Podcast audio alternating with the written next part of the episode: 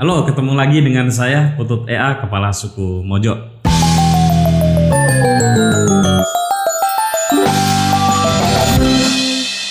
Kita lanjut berbincang-bincang dengan tema yang ini kalau tema kayak gini ini menarik, menarik bagi saya karena ya saya pernah mengalami masa-masa muda seperti tamu kita hari ini ya.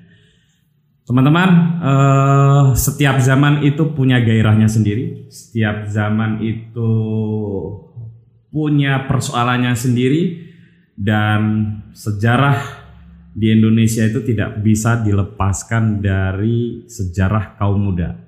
Anda bisa baca dari seluruh problem dan dinamika sejarah kita sejak dari zaman kolonial sampai sekarang.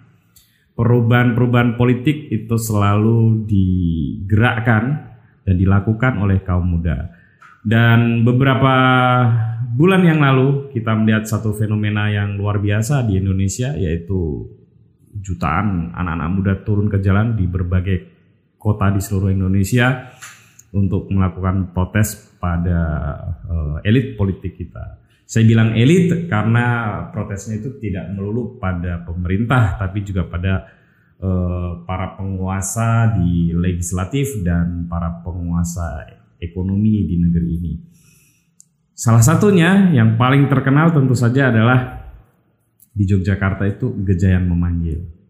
Nah, ini menarik sekali karena ada banyak tuduhan di sana dalam tanda kutip ya uh, siapa sih aktor di balik Gejayan memanggil gitu. Uh, Mojok tuh pernah dituduh sebagai uh, institusi yang berada di balik Gejayan memanggil padahal ya enggak. Mojok itu kan isinya anak-anak muda karena ada aksi ya mereka yang mau ikut turun ke jalan saya sebagai pimpinannya ya tentu saja mengizinkan. Dan bukan hanya Mojo saya kira ada banyak lembaga banyak dosen saya lihat dosen UGM turun juga ke jalan ke jalan nah hari ini saya dan kru bisa menghadirkan salah satu dari aktivis Gejayan memanggil saya harus bilang dan menggarisbawahi salah satu karena tentu saja bukan hanya kawan kita satu ini ya, tentu banyak ya. ya saya perkenalkan Gendis. Nama lengkapmu siapa Gendis? Halo, uh, nama aku Gendis Syari Widodari. Biasa Gendis? Gendis Syari Widodari. Syari Widodari. Wow, apa? Ya? Bisa bahasa Jawa kan? Sedikit. Sedikit. Aku ngerti. Ngerti ya? Ngerti, ngomong. ngerti. Kamu kuliah dulu di? Aku di Visipol UGM. Visipol UGM jurusan? Politik pemerintahan politik pemerintahan sudah selesai. Sudah selesai. Sudah selesai tahun berapa? Tahun 2020 awal Februari. Masuk tahun 2016. 2016. Berarti bedanya masuk sama saya itu 24 tahun. Oke, Gedis.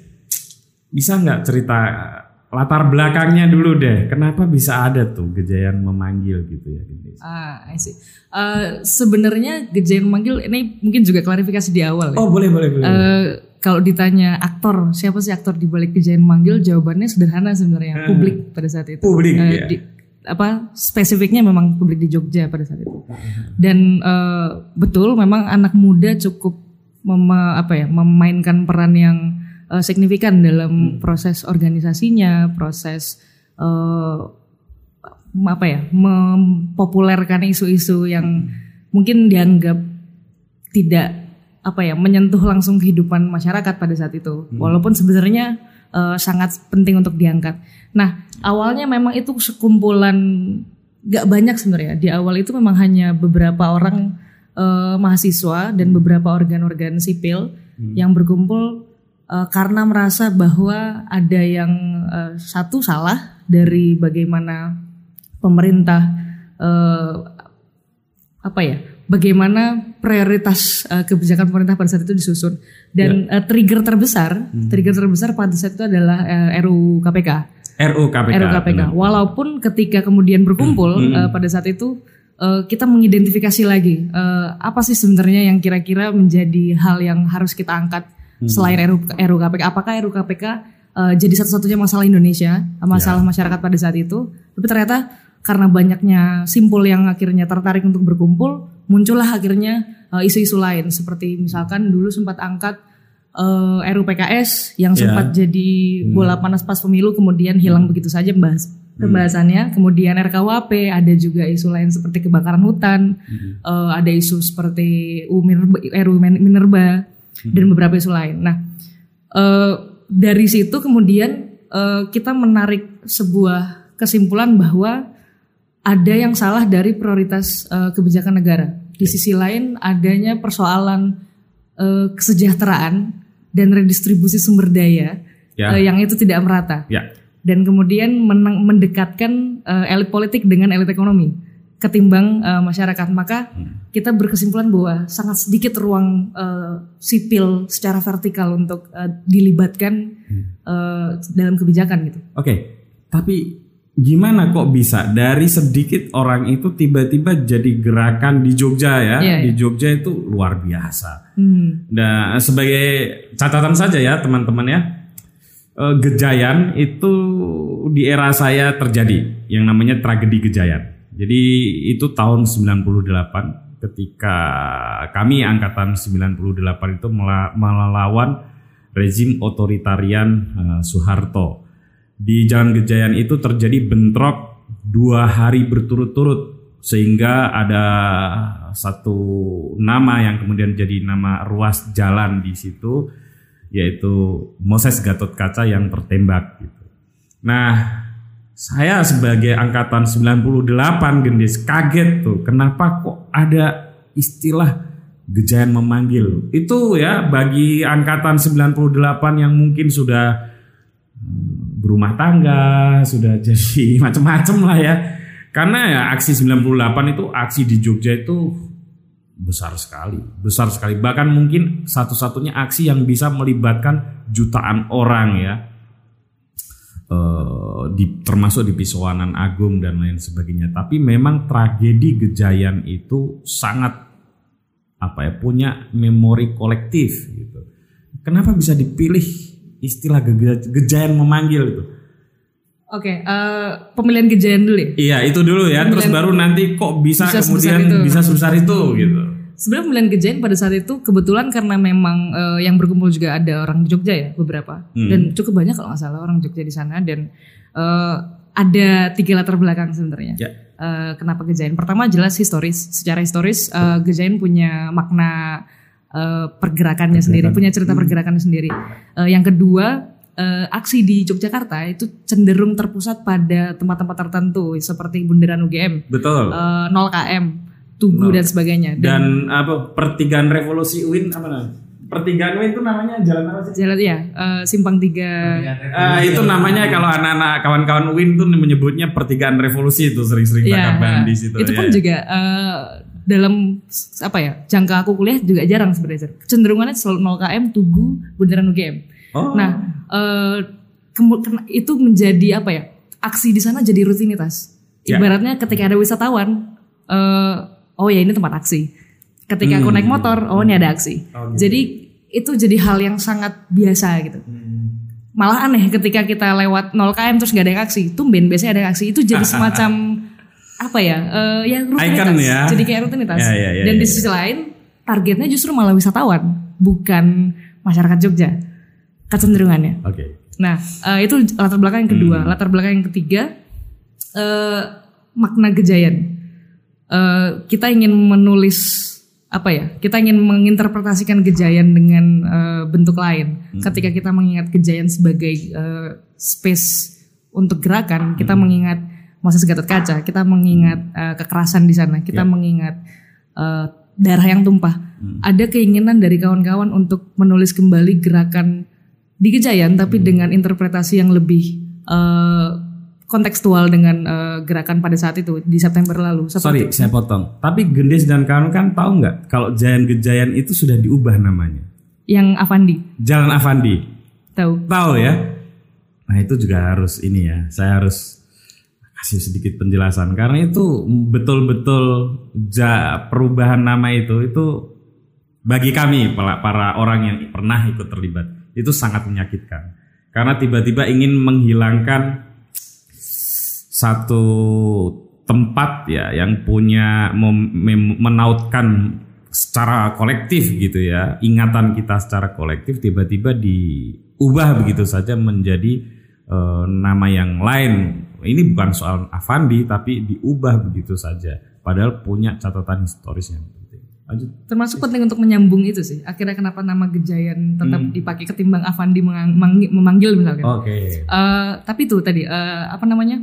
Karena tujuan kita sadar bahwa eh, isu ini adalah isu yang kita angkat untuk sipil. Hmm. Eh, maka penting untuk eh, mendekatkan isu-isu yang ingin diangkat dengan sipil. Maka dari itu pemilihan Gejayan juga cocok karena eh, satu di sana Ya, ada ya, banyak universitas. Ya, ya, ya. Eh, secara teknis kita bisa titik kumpul lebih mudah. Betul, di sisi betul. lain itu tem- titik temu banyak eh, banyak masyarakat Jogja. Ada pasar di sana, Ya. ada banyak tempat-tempat eh, anak muda nongkrong, Ya. ada interaksi sosial ekonomi di sana sangat eh, besar ketimbang misalkan eh, di 0 km Ha-ha. yang cenderung diisi oleh wisatawan. Ya, ya, ya. Saya kasih catatan bagi para pendengar dan pemirsa yang tidak tahu atau belum begitu jelas dengan apa ya geografis Jogja ya. Gejayan itu dekat dengan Universitas Sanata Dharma, Atmajaya, UIN, UNY. UNY dan UGM. UGM. Setidaknya itu ya, lima universitas besar di Jogja dekat banget dengan Betul. Ya, ya, lanjut. Nah, eh, banyak interaksi di sana. Hmm. Eh, institusi pendidikan ada, eh, ekonomi ada, sosial juga ada untuk tempat-tempat. Dan eh, secara apa namanya? Karena tujuannya adalah pada saat itu penguatan sipil, selain kita ingin mendorong secara vertikal ya. dan apa namanya membuktikan apa ingin menyuarakan bahwa gerakan sipil tidak hanya di Jakarta, tapi juga di kota-kota lain. Kita juga ingin apa ya membentuk sebuah pengu- apa upaya penguatan sipil dalam artian eh, masyarakat Jogja kita kita nggak melihat masyarakat Jogja sebagai hal orang pihak yang harus kita hindari misalkan Iya, iya, iya. eh, takut dikira macet Di- di- justru hal, seperti itu dihindari dengan melibatkan mereka gitu dengan ya karena mereka kayak karena ada aksi eh, jangan sampai mereka tutup gitu loh eh, toko-toko mereka karena ada aksi jangan sampai mereka justru kehilangan Antipati. antipati dengan Iya, gerakan iya, pada saat itu makanya kita akhirnya menggunakan gejayan tapi dengan interpretasi yang yang kupikir lebih partisipatif kepada masyarakat Jogja Dan itu terjadi ya, dan, Dan itu, itu terjadi. Toko-toko tetap buka, bahkan banyak yang ngasih uh, minum, Buah, minum. ngasih buah, ngasih ya itu Jogja banget. Tapi kenapa ada kata memanggil? Oh memanggil waktu itu pembahasannya kalau nggak salah ada salah satu orang yang eh, dia sempat familiar dengan istilah Indonesia is calling Oke. terus eh, coba di apa Ya, ya, namanya ya. di di recreate dalam konteks Jogja Gejayan Ya, memanggil. Lanjut, lanjut. Kenapa bisa dari segelintir ya selalu ide gagasan dan hal-hal tertentu itu selalu dimulai dari sedikit orang. Tapi kenapa dalam kayaknya situa dalam tempo yang cukup singkat ya Hmm, hmm. bisa kemudian merangkul dan membuat oh, banyak orang punya perhatian di aksi itu lalu ikut terlibat. Ah, eh, tim eh, teman-teman di Gejayan Manggil, volunteer-volunteer di Gejayan Manggil punya dua strategi mobilisasi. Yang pertama itu daring, yang kedua eh, luring. Hmm. Nah, yang luring ini memang eh, kita polanya adalah dari jejaring yang kita kenal. Jadi misalkan aku kenal dengan eh, kelompok sipil A, aku kenal dengan kelompok studi A, aku kenal dengan kelompok pertemanan atau kantor dan segala macam.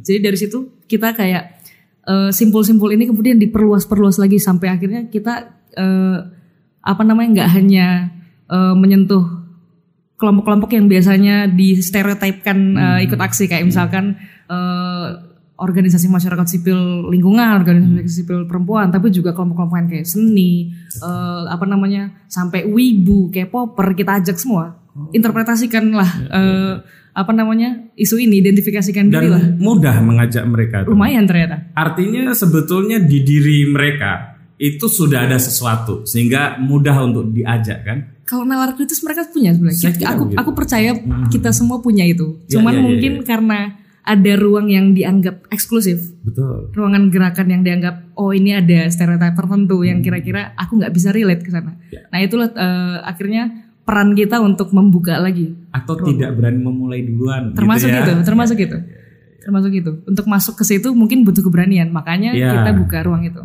Itu secara eh, luring sebenarnya. Nah Ya. secara daring kita memang punya apa ya? Kupikir anak muda sekarang punya caranya sendiri yang cukup menarik untuk menginterpretasikan realita ya, termasuk isu sosial dengan memes misalkan, dengan eh, lelucon, dengan hal-hal yang kira-kira kita apa ya? Kita menem- mencoba membentuk titik temu Hmm. antara kesadaran politik dengan pop culture. Oke. Jadi kita membuat orang kayak oh aku tahu ini referensi budaya populer ini dan ternyata ini bisa digunakan untuk eh, membentuk kesadaran politik termasuk penguatan sipil. Oke, saya mau tanya nih, ada pertanyaan aneh. Eh,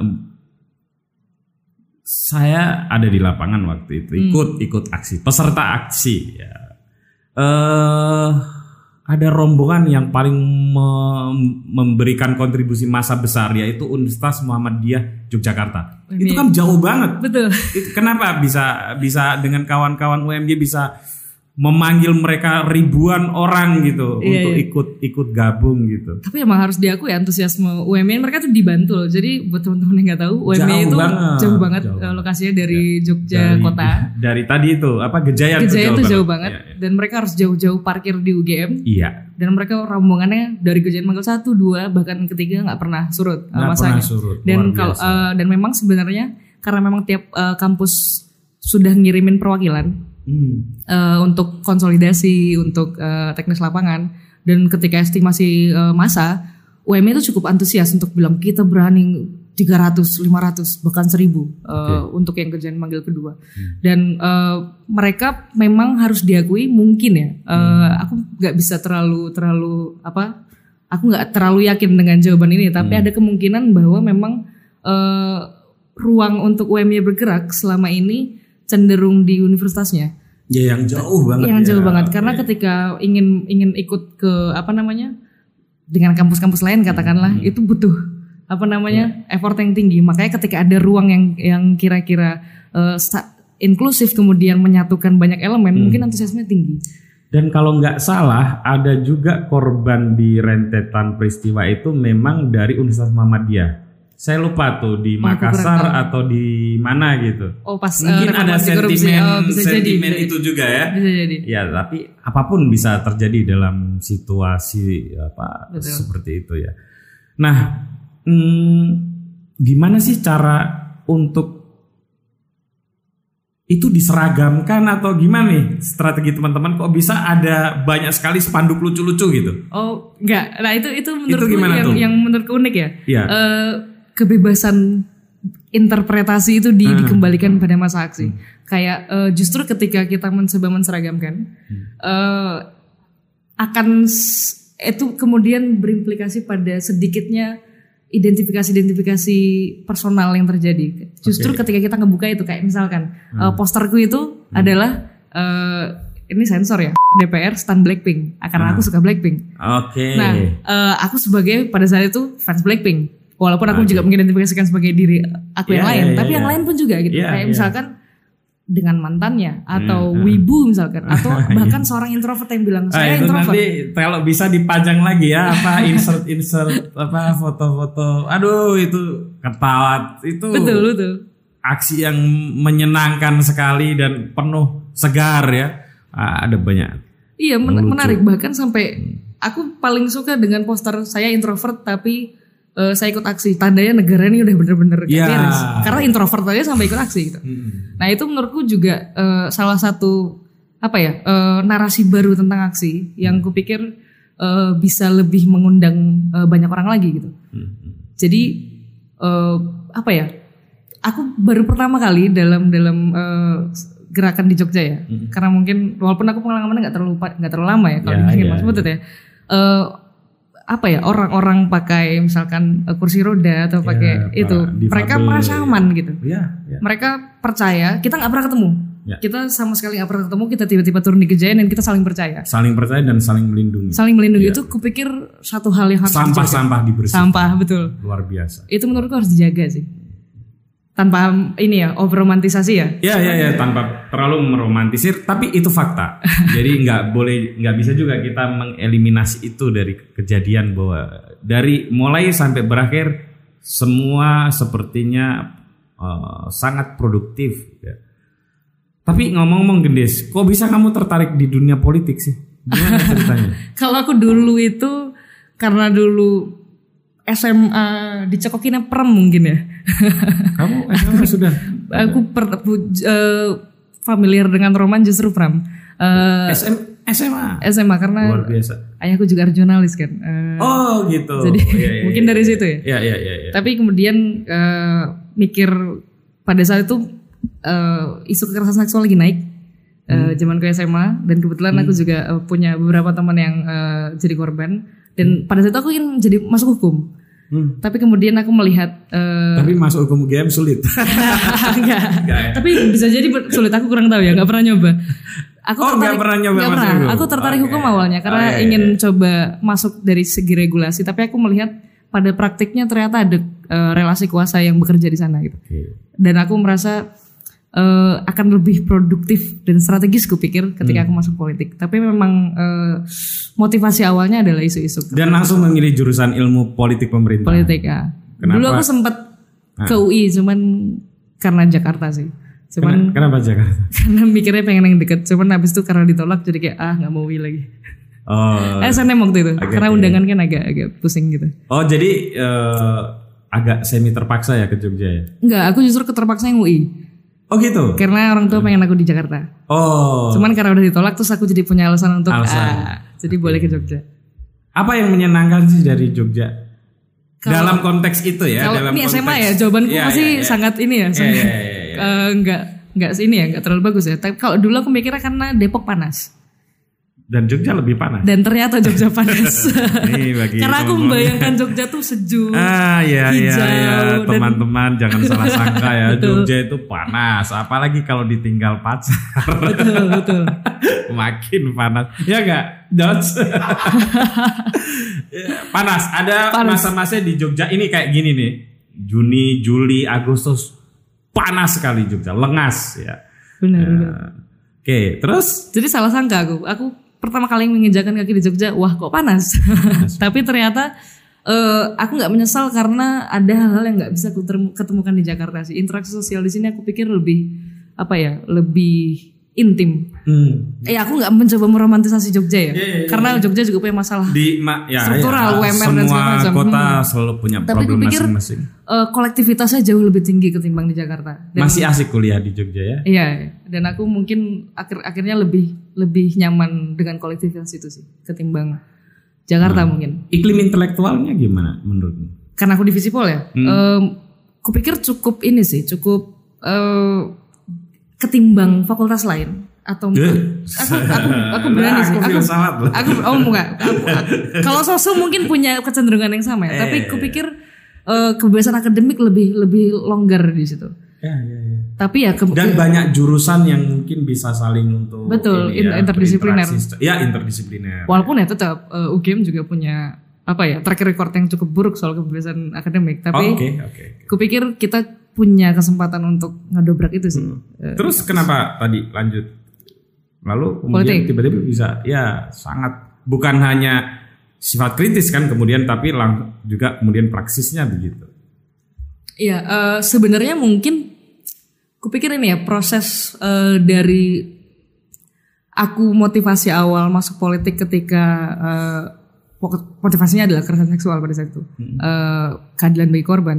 Kemudian eh, semakin aku kuliah, eh, semakin aku belajar bahwa ketertindasan itu sangat apa ya, sangat berkaitan satu dengan lain ya ketika aku bicara ke korban kekerasan seksual uh, ada ada relasi gender di sana, ada kelas di sana, Ya. ada identitas-identitas lain di sana.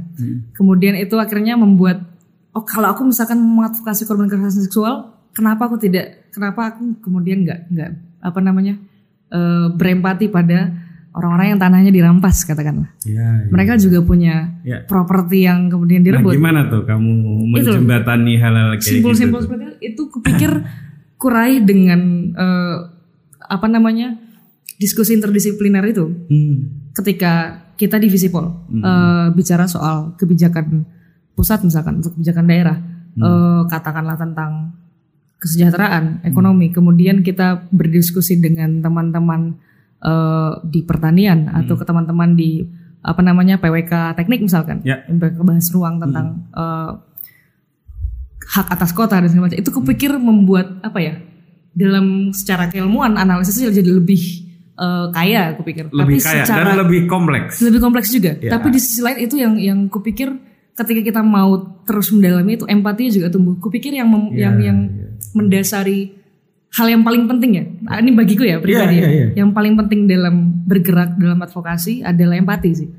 Ketimbang yang lain. Iya, iya. Karena Motor banyak- penggerak utamanya. Karena banyak juga hero-hero kompleks yang nggak bisa di Persis. nggak bisa dilenyapkan gitu loh dalam gerakan dan kupikir itu juga cukup apa ya eh, jadi kondisi objektif di Tapi mana-mana. mengalami nggak hero kompleks atau hero syndrome gitu? dulu aku pas maba sampai akhirnya Pernah ah, dulu aku pas maba merasa kayak kita bisa eh, menyelesaikan semua menyelesaikan semua masalah, masalah. Iya, sampai akhirnya pertengahan kuliah wah jadi Dan kalau nggak melakukan sesuatu merasa berdosa, Iya. merasa bersalah dan Sempat. kemudian iya, iya. sempat betul Mengalami gendis ya. aku sempat walaupun akhirnya sadar bahwa bergerak itu berarti harus lebih banyak mendengar juga Menarik ini. kupikir itu Menarik. pelajaranku terbesar selama Jadi di Jogja saya kira ini ya, mungkin banyak teman ya yang mengalami seperti gendis ya. Saya juga pernah.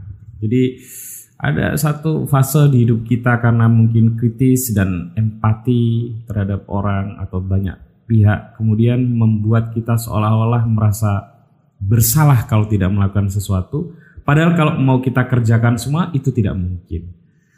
Dan itu menimbulkan rasa bersalah, menimbulkan rasa berdosa dan itu bahaya banget loh. itu bisa yang terserang itu psikologis kita. Itu menjadi orang yang merasa tidak berguna di hidup ini dan lain sebagainya. Tapi Gendis punya punya satu formula yang menarik yaitu lebih banyak mendengar. mendengar dan eh, kupikir memberikan Dan langkah apa pun itu harus disyukuri ya. Sebagai kita sudah bergerak gitu. betul betul Iya kan? betul betul Ya. narasi hopeful sih kupikir yang kita harus kembangkan lagi Hmm. eh, di gerakan anak muda saat ini. Ah itu, apa itu? Eh, apa ya kita di satu sisi kita berada di keadaan yang keadaan yang mendesak ya. Eh, kita diserang atas bawah eh, kanan kiri ya Se- untuk Hmm. Ya, untuk eh, banyak isu gitu. Ya, ya. Eh, tapi di sisi lain eh, kita sadar bahwa ada ketertindasan yang Hmm. terjadi, tapi kita juga harus mulai apa ya menarasikan bahwa kita itu sebagai sipil bisa gitu. Ketimbang eh, kita kalah, eh, demokrasi mati. Iya mungkin eh, di di konteks tertentu bisa bisa di bisa diperdebatkan argumentasinya. Tapi kemudian ketika kita ingin memperkuat sipil lagi, kita juga harus mulai menarasikan hal-hal yang ya hopeful gitu. Tahu nggak gendis? Itu hebatnya Pram. Menurut saya, Pram itu banyak menulis kisah-kisah orang-orang kalah. Betul. Tapi setiap kali kita baca karyanya, mau gadis pantai kayak mau tetralogi kayak mau kumpulan cerpennya, subuh lain-lain ya, banyak banget. Selalu berkisah tentang banyak sekali orang kalah. Tapi ini orang tidak benar-benar kalah. Jadi ada sesuatu yang kita seolah-olah mendapatkan energi. Jadi Pramodya Tatur itu kalau saya diminta untuk memberi kata kunci di sana adalah daya hidup. Hmm. Daya hidupnya itu menggetarkan, membuat orang bersemangat untuk hidup, bersemangat untuk menjalani setiap persoalan yang mesti dihadapi, dan itu tidak sembarang sastrawan bisa seperti itu. Tidak banyak sastrawan seperti itu. Nah itu, jadi bukan persoalan kehebatan kisahnya, ya itu iyalah sastrawan pasti terlatih untuk seperti itu. Tapi eh, energi kata-katanya sesuatu yang muncul dari hatinya untuk di diekspresikan itu sampai ke pembacanya dalam bentuk seperti itu. Ya cek aja karya-karyanya banyak soal kekalahan manusia, kekalahan perjuangan, tapi orang membaca itu menjadi sangat bersemangat untuk melawan, melawan apa pun. Jadi saya setuju itu. Iya, kupikir Pram cukup ini ya. eh, berjuang itu proses apa namanya? Justru yang disyukuri dari dari cerita-cerita Iya, dia. iya. Ketimbang eh, hanya fokus pada hasil kekalahan ya. Betul. Dan yang selalu dikutip itu ya eh, Mingke Oh. kepada apa Nyi Sudah ya. sehormat-hormatnya. So, ya kita Iya. sudah sehormat-hormatnya. Apa tuh kutipan lebih lengkapnya ingat? Eh, Kita sudah melawan Nyo, gitu ya. Nyo, eh, sehormat-hormatnya. Ya dengan sehormat-hormatnya. Eh jadi sekarang eh, menurutmu Mas apa sih sebetulnya masalah yang yang paling paling mendesak di Indonesia ini? Menurut kamu deh? Masalah secara Iya, iya. atau Menurut masalah Indonesia gitu. aku pikir memang eh, wah kompleks banget bisa Kompleks banget. Indonesia ya. Ini ada tiga tiga hal ya. Tiga hal aja yang yang menurutmu sangat mendesak gitu ya, sangat mendesak. Kupikir dari eh, dari sipil ya. Ya, dari problem masyarakat sipil. Sipil punya kecenderungan untuk eh, membentuk demand di ruang yang kupikir punya kekuatan yang eh, kurang kurang cukup rendah ketimbang eh, kita bicara ruang digital misalkan. Ya. Di mana masyarakat sipil cenderung berhenti di sana ketimbang di ruang fisik. Di satu sisi itu bagus untuk wacana ya, tapi di sisi lain Ya. ada kuasa yang bekerja di kekuasaan formal nggak bekerja di ruang digital. Oke. Dia bekerja di ruang fisik. Hmm. Eh, makanya penguatan sipil perlu kita terjemahkan, kita transformasi ke eh, yang lebih bentuk yang lebih Ruang nyata. nyata. eh. Iya. Itu di satu sisi perlu itu karena di, karena eh, kita butuh bentuk demand itu karena di negara sendiri di di eh, secara vertikal Hmm. kita ini sipil ini gue pikir gak pernah diprioritaskan Eh, dalam artian ada relasi yang sangat dekat yang sifatnya horizontal antara elit politik dengan elit ekonomi sementara kita tuh sangat vertikal jauh di bawah Hmm. jadi eh, ada istilah namanya policy network eh, di mana kebijakan itu apa namanya diisi oleh eh, orang-orang top level birokrat, par- eh, aktivis partai, Ya, ya. eh, pengusaha dan segala macam dan akademisi termasuk. ya. Tapi sipil tuh nggak punya ruang untuk eh nggak punya koridor untuk masuk ke sana dengan mudah. Makanya kita punya kita harus apa ya twice as hard gitu loh untuk untuk mendobrak itu. Makanya aku pikir di satu sisi penguatan sipil penting, di sisi lain kita juga harus mulai sadar bahwa eh, berharap pada aktor politik Ya. itu nggak akan menghasilkan apa-apa. Kita nggak hanya eh, menyerahkan tanggung jawab kepada katakanlah presiden pada saat pemilu, Ya, ya, ya, ya. kemudian kita Atau duduk menikmati, atau wali kota, atau gubernur kecuali Jogja karena kita nggak bisa milih. Tapi Ya, ya, terus, terus, ya. eh, pada pada kondisi seperti itu, aku pikir penting untuk eh, kita memikirkan ulang partisipasi politik kita sih. Menarik yang poin kedua gendis itu. Jadi eh, lagi-lagi setiap kali mau pemilu kita selalu berharap ada sang mesiah baru. Iya, ya kan? Sang ratu adil selamat, baru, iya. sang juru selamat. Dan lagi-lagi pasti kita akan kecewa. Betul. Dulu ada SBY, semua orang berharap SBY. Ketika Pak SBY sudah berganti berharap ke Pak Jokowi. Ya beginilah yang terjadi. Jadi saya kira memang kita sudah harus merevisi seluruh mindset kita terhadap perubahan sosial yang terjadi. Yang tidak mungkin kita titipkan pada elit Aktor, politik betul. atau aktor. Ya saya setuju. Itu harus ikhtiar bersama. Betul. Persoalannya adalah ikhtiar bersama itu tidak mudah juga. guys. Betul. Gimana dong? Nah, itu yang kupikir proses akan panjang ya. Karena di sisi lain kita punya apa ya? Partai politik sebagai eh, institusi yang punya kewajiban untuk memberikan pendidikan politik Iya. bisa terputus ya. Dan justru menjadi bagian dari oligarki. Oli- iya, ya, betul banget. oligarki Makanya- politik. Justru sipil yang kemudian harus memberikan apa ya? Kita kita harus mengedukasi diri eh, sendiri soal politik. Hmm. Itu itu menurutku langkah yang paling sederhana, Hmm. bukan sederhana, paling iya paling sederhana tapi paling sulit. Hmm. langkah awal untuk belajar dan tidak belajar untuk apatis misalkan. Eh, itu menurutku satu hal yang mungkin langkah awal tapi paling sulit untuk dilewati. Karena kita juga harus apa namanya memikirkan ulang apa yang selama ini kita percaya tentang misalkan elektoral apakah efektif atau tidak Betul. Eh, tentang kebijakan bagaimana eh, memposisikan diri sebagai bukan hanya objek yang terdampak tapi subjek yang dilibatkan. Itu kupikir eh, jadi alasan juga kenapa teman-teman mungkin di Gejayan manggil juga eh, akhirnya memilih Gejayan di mana banyak interaksi di sana, Eh, memilih eh, ruang digital untuk berinteraksi juga di sana karena eh, kita ingin membuat apa namanya isu politik menjadi isu yang semua orang gitu, Eh, semua orang terdampak, semua orang harus juga terlibat. Kalau kamu terdampak maka kamu juga harus terlibat. Dan ini bukan bukan upaya mengatasnamakan orang lain gitu. Kita nggak mencoba untuk atas nama rakyat Indonesia. Kita Ya, atas nama diri kita sendiri. Betul. Karena kita pasti terdampak. Kita terdampak. Itu yang mungkin identifikasi personal untuk menuju ke kolektifan itu. Kolektivitas itu yang kupikir menjadi urgensi bagi gerakan sipil di Indonesia Iya, saat iya, ini. iya, iya. Itu juga luar biasa. Karena salah satu eh, sindrom martir itu menjadi mengerikan adalah ketika dia juga merasa jadi juru selamat, Betul. merasa menjadi pahlawan, tetapi berad- kadang-kadang berada di luar masalah. Jadi yang punya masalah seorang seolah-olah orang lain, betul. maka kita datang untuk menyelamatkan mereka. Begitu ya? Betul. Nah, saya setuju dengan Gendis. Jadi mestinya bukan begitu cara pikirnya. Saya punya masalah sebagai warga negara. Eh, Ada beberapa hal dari kebijakan negara yang mengganggu saya. Gendis juga punya masalah, Ali punya masalah, sama seperti itu. Sehingga identifikasinya adalah kita ini masing-masing sedang punya masalah dengan kebijakan-kebijakan tertentu dari negara sehingga sebetulnya kalau kita melakukan sesuatu itu yang kita lakukan adalah kita sedang membela diri kita sendiri, mengadvokasi diri kita sendiri gitu. Walaupun tentu ada kelompok-kelompok rentan lain lain yang juga harus kita Betul. bantu ya. Kupikir dari upaya identifikasi personal terhadap hal struktural itu, kita bisa menemukan kolektivitas itu tadi. Akhirnya aku merasa kayak misalkan aku nggak akan pernah bisa merasakan ketertindasan yang dialami oleh misalkan kelompok Papua, misal, eh, orang asli Papua. Ya. Tapi kemudian melalui pertemuan itu ada proses mendengar, ada proses dialog di sana. ya.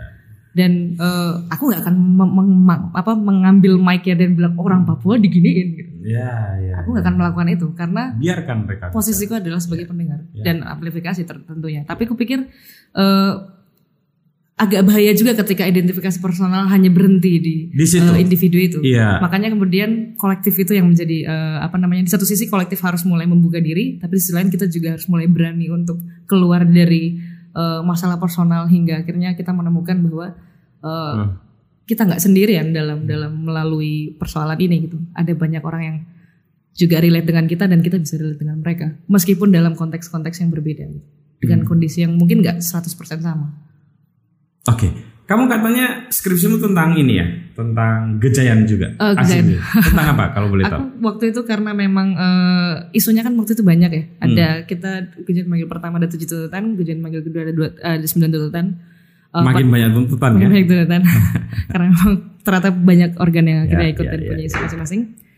Eh, fokusnya adalah bagaimana isu yang banyak itu Hmm. otomatis setiap isu punya lingkaran juga, eh, punya simpul katakanlah RUPKS punya kelompoknya, katakan kelompok perempuan, kelompok Iya. ini, kelompok ini, kelompok ini yang yang eh, apa namanya sudah bertahun-tahun mengadvokasi kan. Hmm. Eh, itu kemudian bagaimana selain itu untuk menyatukan narasi kolektif, Hmm. tapi kemudian juga strategi mobilisasi massa. Jadi mobilisasi massa tidak hanya dari aktor, tapi juga lewat narasi besar Eh. dengan menjahit eh, Itu skripsimu. Iya, jadi kayak apa sih eh, relasi antara RUU KPK dengan katakanlah RUU PKS misalkan?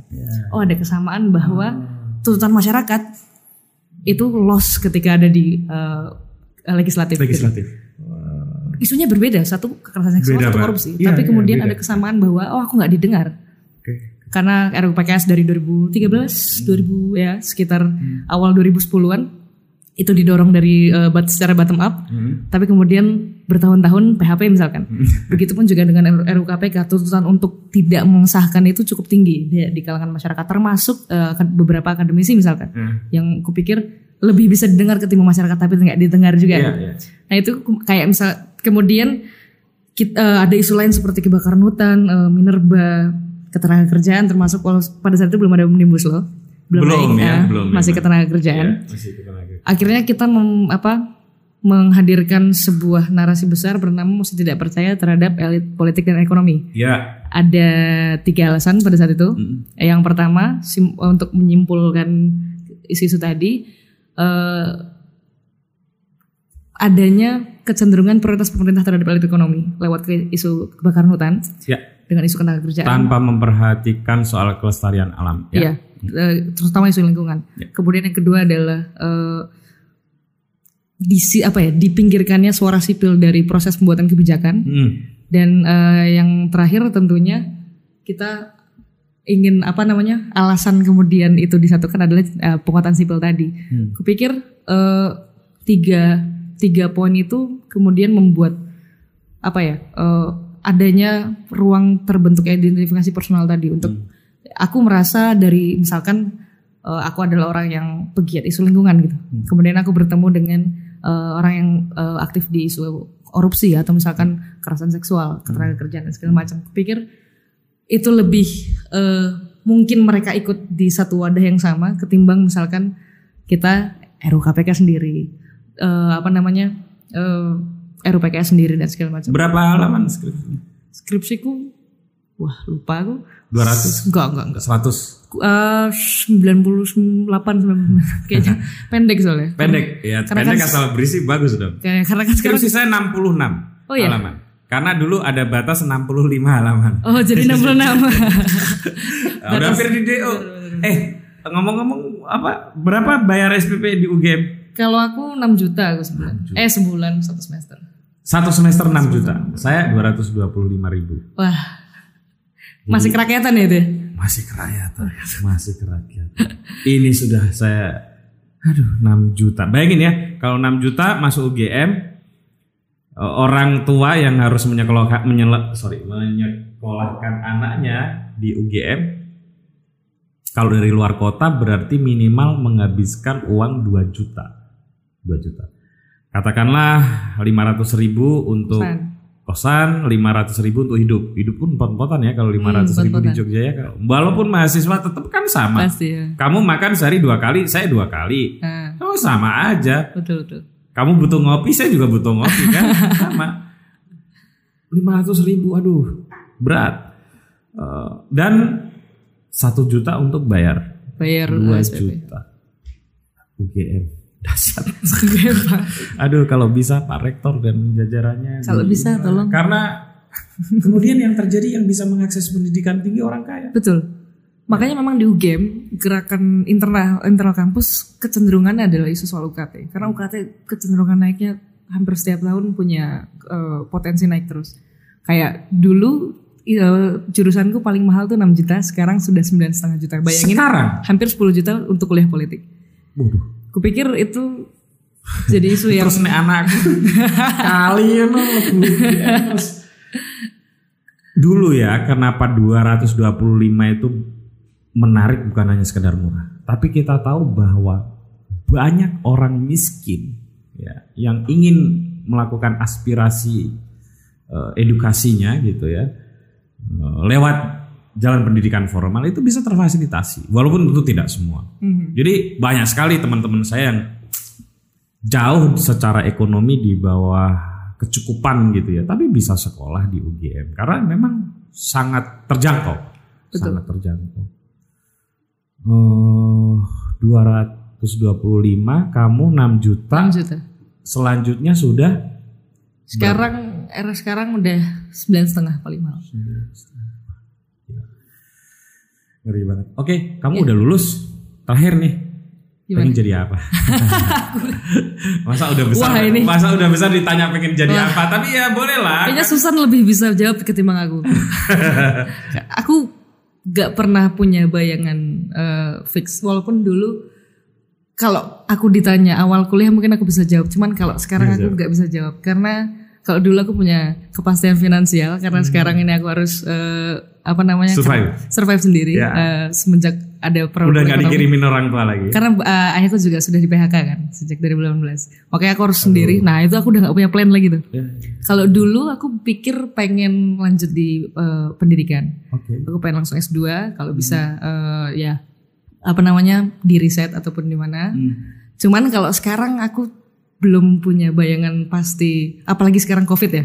Ya. Eh, rencana ibaratnya tiga tahun lima tahun ke depan aku mungkin eh, tetap pengen di jalur-jalur alternatif yang nulis mungkin. Aku hanya bisa membayangkan sampai situ sih. Wih, Karena ya aku di kuliah nulis, nulis pengen juga lulus ya mungkin tetap nulis. riset ya. Ya Riset bisa juga. bisa artikel populer pun juga masalah. Aku pikir Oh, masalah. itu doang sih yang aku bisa kupikirin sekarang ya. Iya, iya, iya. Waduh, memang ini saatnya ini sih. Kita nggak boleh punya cita-cita dulu. Susah susah. susah, susah, susah. Susah punya cita-cita dulu. Harus mampu mengerem keinginan-keinginan. Betul, Dan ya, tapi Hmm, pemerintah gimana nih soal pandemi? Aduh, wah ini aku eh aku mungkin gini ya eh, melihat aku tuh sampai di titik di mana aku kalau di Twitter aku itu nge-mute New Zealand, Taiwan, Korea Selatan karena aku saking jealous ya dengan dengan cara penanganan di sana. Aku bener-bener wah tolong ngejauhin deh karena di di Indonesia nggak seperti itu. Kupikir eh,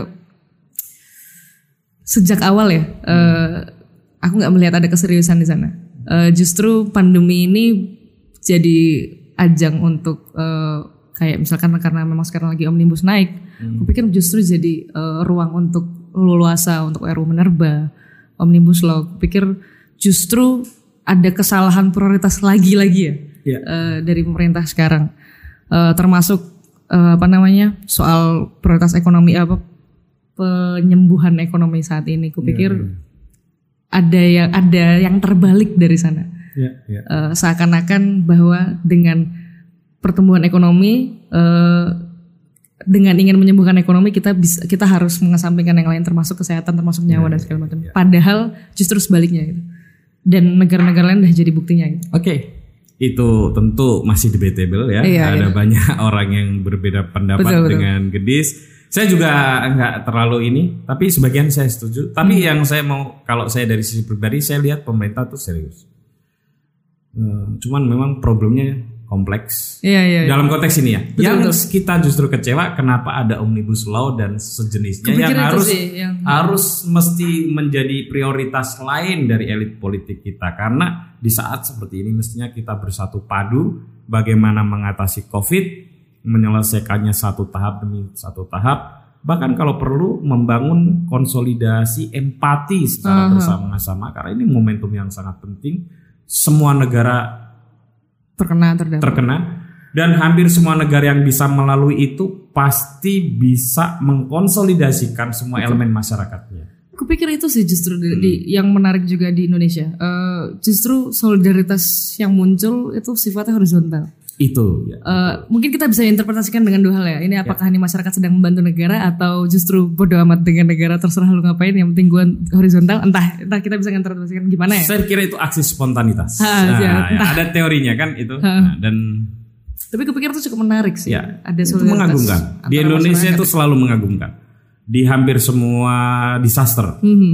uh, krisis, uh, shock ya, social shock itu selalu muncul alternatif-alternatif yang Kolektivitas selalu ya. diberikan oleh antar warga. Dan itu yang membuat menarik negeri ini, itu yang membuat juga menarik Yogyakarta. Iya iya betul betul. Oke, terima kasih Gedes ya. Uh, semoga dapat pekerjaan yang menyenangkan. Mantap. Walaupun kita tidak boleh berharap terlalu banyak di era seperti ini. Uh, begitu teman-teman ya. Kita akhiri sesi ngobrol asik ini.